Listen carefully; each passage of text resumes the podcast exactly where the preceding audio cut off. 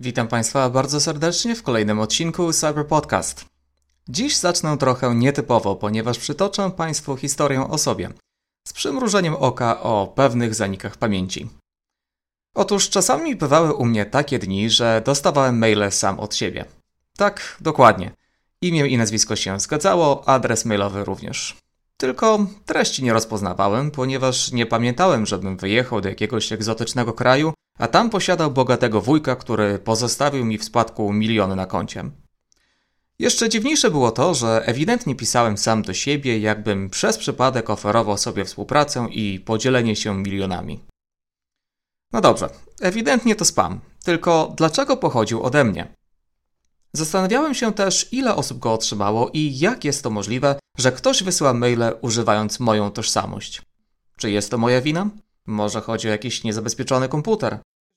Pocieszający jest fakt, że nikt z moich znajomych, nawet gdyby otrzymali ode mnie taką wiadomość, nie dałby się nabrać na prostego maila, który ewidentnie jest spamem. Ale co byłoby, gdyby była to poważnie brzmiąca wiadomość skierowana do moich partnerów biznesowych? Albo gdyby na przykład szef rzekomo napisał do swoich pracowników. Tutaj konsekwencje takich maili stają się naprawdę realne. Więc o tym, co oznacza otrzymywanie wiadomości od samych siebie oraz jak się zabezpieczyć, omówimy w dzisiejszym odcinku Cyber Podcast. Nazywam się Paweł Wałuszko i zapraszam do słuchania. Na początek powiem, że temat jak zwykle jest trochę skomplikowany, ponieważ maile od nas samych mogą wywodzić się z wielu źródeł. Prostą odpowiedzią jest mail spoofing, czyli udawanie przez hakerów, że wiadomość faktycznie została przez nas wysłana, choć tak naprawdę pochodzi od kogoś innego.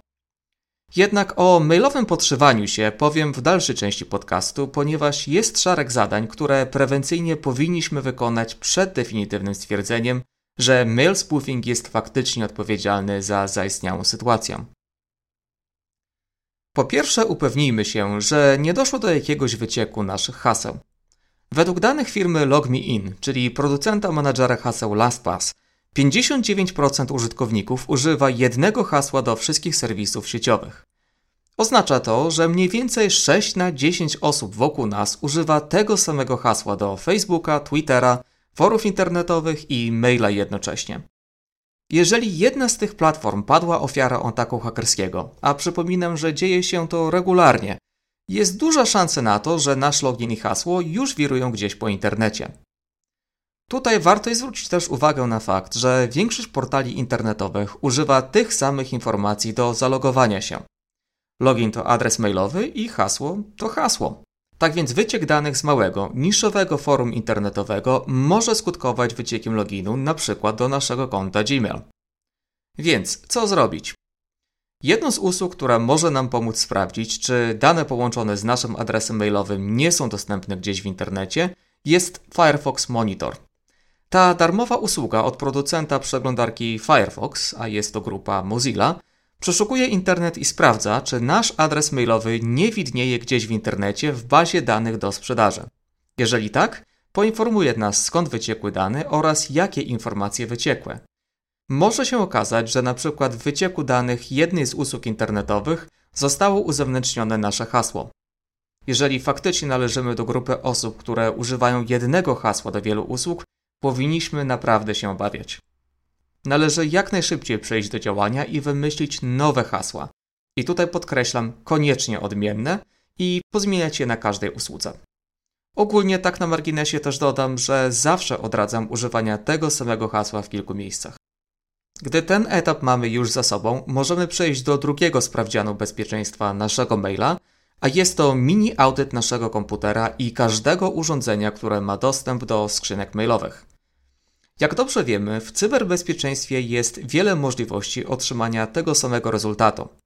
Jeżeli nie wykradnięcie hasła, można dostać się do czyjegoś maila na przykład przez zainfekowanie komputera wybranej osoby. Jeżeli na co dzień używamy komputerów z systemem Windows, zacznijmy od aktualizacji oprogramowania. Tutaj trzymajmy się zasady, że najnowszy Windows to najbezpieczniejszy Windows. W kolejnym kroku przeskanujmy komputer używając wewnętrzne narzędzia Windowsa lub zewnętrzny program antywirusowy. Tutaj nie polecam mało znanych lub zupełnie darmowych programów. Co prawda nic im nie ujmuję, Ale z punktu widzenia ekonomicznego wiem, że stworzenie dobrego antywirusa wymaga naprawdę pokaźnego nakładu finansowego, który z zasady mają większe firmy. Niemniej, decyzję co do wyboru producenta takiego oprogramowania zostawiam dla Państwa. Jeżeli nasze oprogramowanie antywirusowe również obejmuje skanowanie pod względem malware, czyli złośliwego oprogramowania, które niekoniecznie spełnia definicję wirusa, przeskanujmy komputer również pod tym względem. Jeżeli natomiast nasz antywirus jest tylko antywirusem z natury, możemy skorzystać z dodatkowego oprogramowania takiego jak Malwarebytes, które w dużej mierze jest darmowe i przyda się w przyszłości do oczyszczania komputera od czasu do czasu.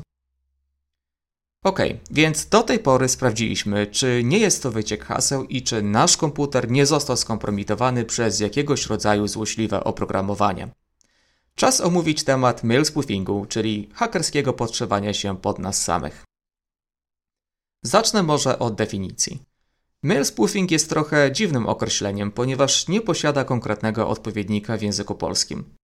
Wikipedia tłumaczy słowo spoof jako naciąganie, szachrajstwo, choć osoby mówiące w języku angielskim słyszą tutaj wydźwięk podszycia się lub fałszowania.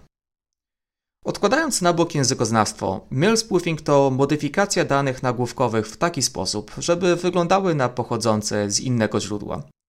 Potocznie mówiąc, jest to fałszowanie adresata na kopercie.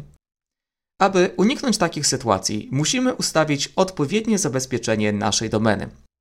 Jednym z takich zabezpieczeń jest SPF, czyli Sender Policy Framework, który w bardzo wielkim skrócie wskazuje, które serwery mailowe mogą wysyłać wiadomości pochodzące od danej domeny.